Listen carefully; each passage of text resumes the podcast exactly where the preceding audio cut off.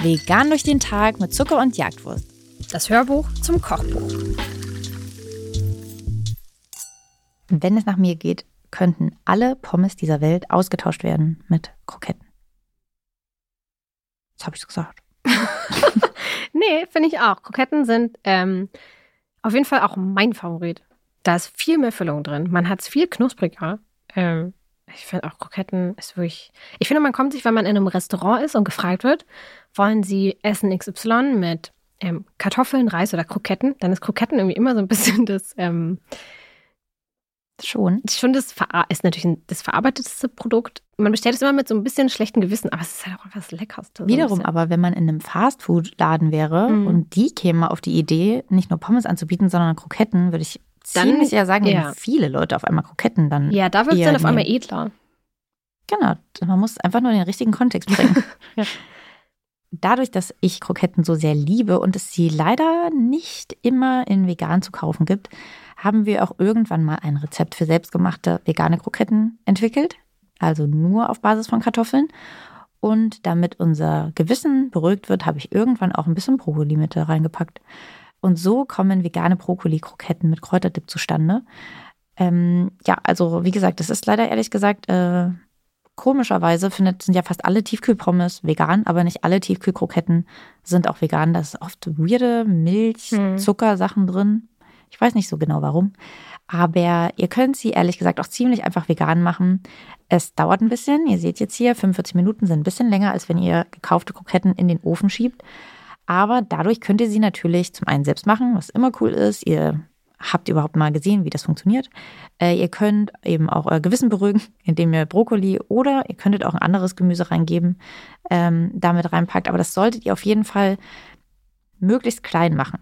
Und es sollte, also ne, wenn ihr jetzt eine Möhre oder so nehmt, würde ich die auf jeden Fall reiben. Würde ich die nicht in Würfel schneiden. Also gut ist schon bei dem Brokkoli, dass man ihn eben in ziemlich, ziemlich klein schon fast hacken könnte. Ähm, weil wir ihn ja auch vorher blanchieren. Also das müsste schon ein bisschen weicher sein. Ansonsten würde ich es eben, wie gesagt, lieber alles reiben, damit das nicht so ganz so dicke Stücken sind. Klassisch, wie gesagt, benutzt man ja auch nur Kartoffeln. Auf jeden Fall mehlig kochende Kartoffeln solltet ihr dafür verwenden. Aber ehrlich gesagt ist die Zubereitung dann doch ziemlich simpel, denn das Ganze wird einfach mit ein bisschen Mehl, veganer Butter und Gewürzen vermengt, gestampft und dann durch dieses Mehl dickt das alles so weit an, dass ihr das formen könnt. Gebt hier das Mehl auf jeden Fall so ein bisschen nach Gefühl dazu. Wenn ihr einfach merkt, eure Masse ist ein bisschen zu klebrig, mehr Mehl dazugeben, bis das alles nicht mehr passiert. Also, keine Ahnung, selbst wenn ihr am Ende bei fünf Esslöffel Mehl landen solltet, dann ist es einfach so. Also, ne, so ein Rezept ist jetzt entwickelt worden, getestet worden, so wie das bei mir funktioniert hat. Aber es gibt auch unterschiedliche Sorten an mehlig kochenden Kartoffeln. Da kann das schon mal sein, dass er mehr oder weniger Mehl dann noch zusätzlich benötigt. Ich habe das Ganze natürlich auch mal probiert, nicht zu frittieren. Aber was soll ich sagen? Du wurdest enttäuscht. Ich wurde enttäuscht. ähm, ihr könnt das alles auch machen. Es ist alles machbar. So wie ihr das am liebsten habt. Aber, also ich habe es probiert mit Frittieren, ich habe es probiert mit Backen, ich habe es probiert mit Braten. Ist jetzt wenig überraschend, dass ich das Frittieren am besten fand.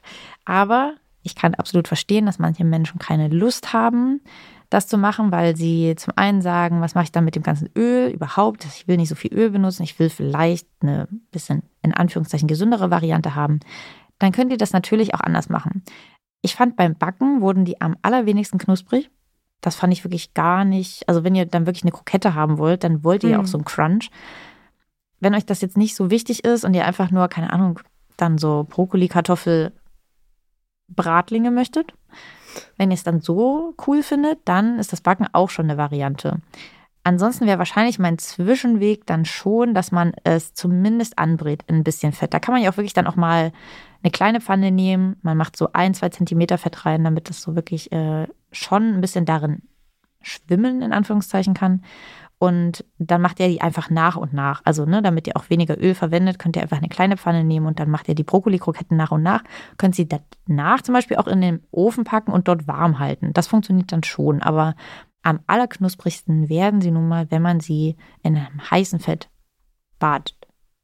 Deswegen, ja, ich finde ehrlich gesagt, Frittieren ist hier für mich das, was für mich am wichtigsten ist. Man sagt immer so, dass man so auf 160 bis 180 Grad frittieren sollte.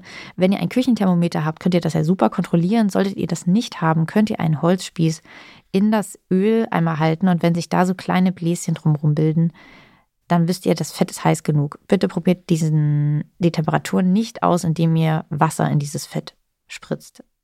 Es wird einfach umher knistern, knallen. Es ist gefährlich. Deswegen macht es nicht mit Wasser, bitte. Wenn ich diese Brokkoli-Kroketten vorbereiten möchte, könnte ich denn dann auch die Kroketten formen, panieren und dann kurz einfrieren? Glaubst du, das würde funktionieren, damit ich die so ein bisschen auf Halde habe?